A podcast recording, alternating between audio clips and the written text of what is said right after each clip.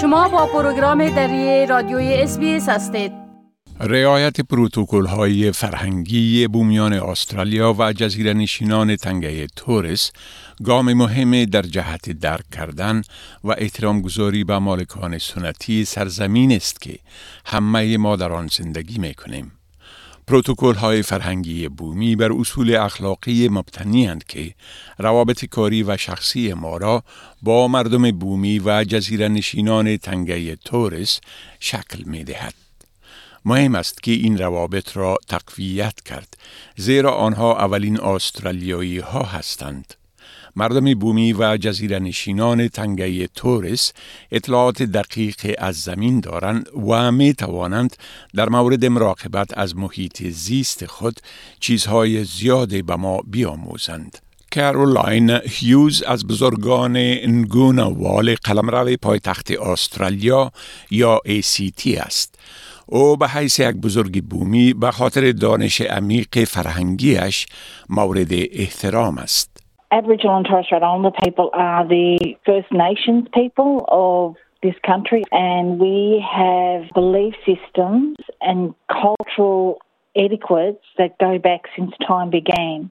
That is very much still a part of our lives today in modern Australia. رودا رابرتس بزرگ در اسپیس می گوید که ما با رعایت این پروتوکل های فرهنگی ارتباط ناگسستنی اولین استرالیایی های ما با زمین و روش های باستانیشان را تصدیق می کنیم. We've continued old stories, protocols and rituals for eons.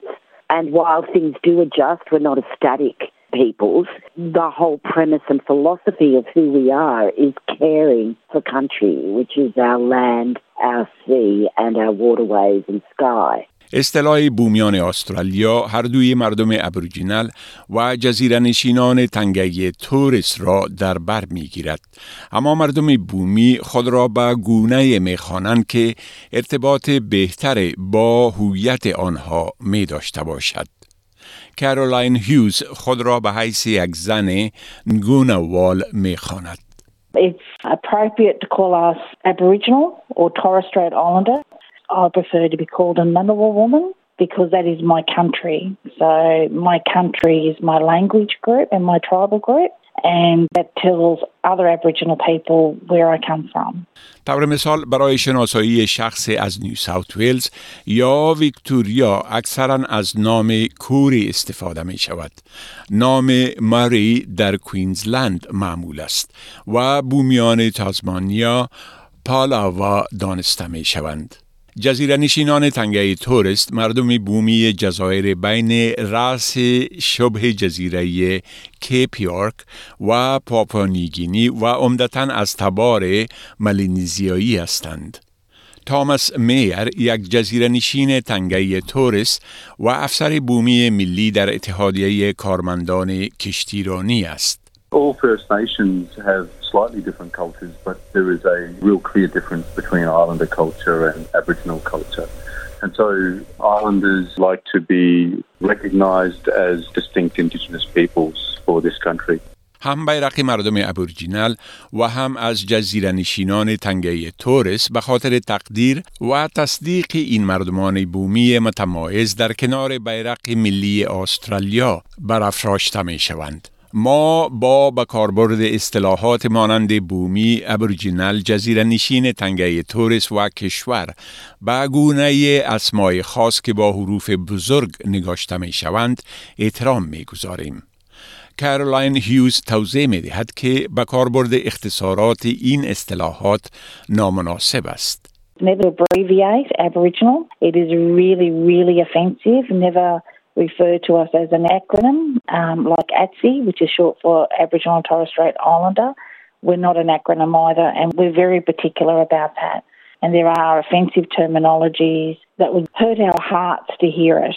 اصطلاحات مثل متولی یا محافظ و بزرگ هم اسامی خاص هستند. بزرگان اعضای محترم جامعه و دارای دانش فرهنگی عمیقی هستند که اجازه دارند در مورد آن صحبت کنند. رودا رابرتس بزرگ ابریجینل این گونه توضیح می دهد. In our old way, our elders were those people who had learned wisdom and caring for people. And so when they get frail, we look after them because it's their wisdom and their gentle guidance as teachers that teaches us the ethical way of behavior towards other human beings. مردم ابریجینال و جزیره نشینان تنگه تورس به بزرگان خود با مخاطب قرار دادن آنها به عنوان آنتی یا اما و انکل یا کاکا احترام می گذارند. برای افراد غیر بومی مناسب است ابتدا بپرسند که آیا آنها هم می توانند از این نام ها استفاده کنند یا نه. اکثرا از بزرگان خواسته می شود که مراسم به کشور خوش آمدید را اجرا کنند.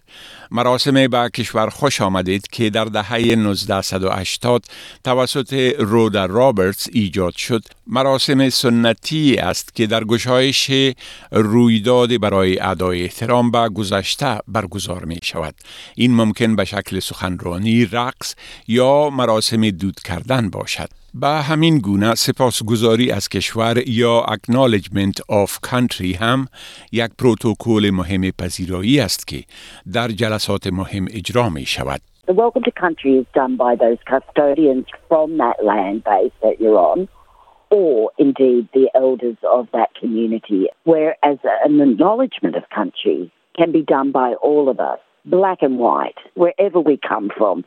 It's us showing that we have an awareness of the land and respect for it, and that we're visiting someone else's land and we're paying that respect. So, acknowledgement is recognizing that you might be working or living on a place that's not the place you come from, but that's okay. You still belong to it, and you're going to acknowledge and thank the custodians and elders.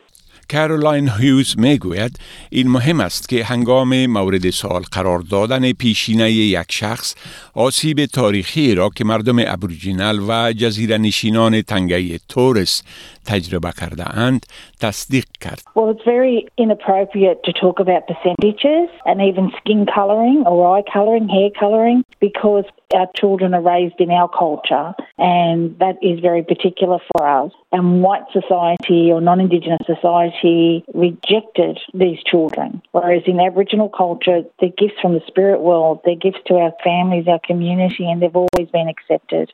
Sometimes we hear when you have a cup of tea and you add milk to it, it's still a cup of tea. Just like us. ولی تاماس میر می گوید از پرسیدن سوالات احترام آمیز هنگام مراعات پروتوکل های فرهنگی نهراسید. I suggest that people don't feel like they're going to be offensive as long as they come from a place that is genuine and respectful. You know, it's fine to ask questions about how best to do things in relation to protocol with Indigenous peoples. And then the most important thing is then to listen and accept the explanation and move forward respectfully. رادا رابرتس خاطر نشان می سازد که مفکوره پروتکل فرهنگی عمومی و همگانی است و اساساً هدف از آن قدردانی از هم نوعانتان می باشد. It's about kindness and compassion.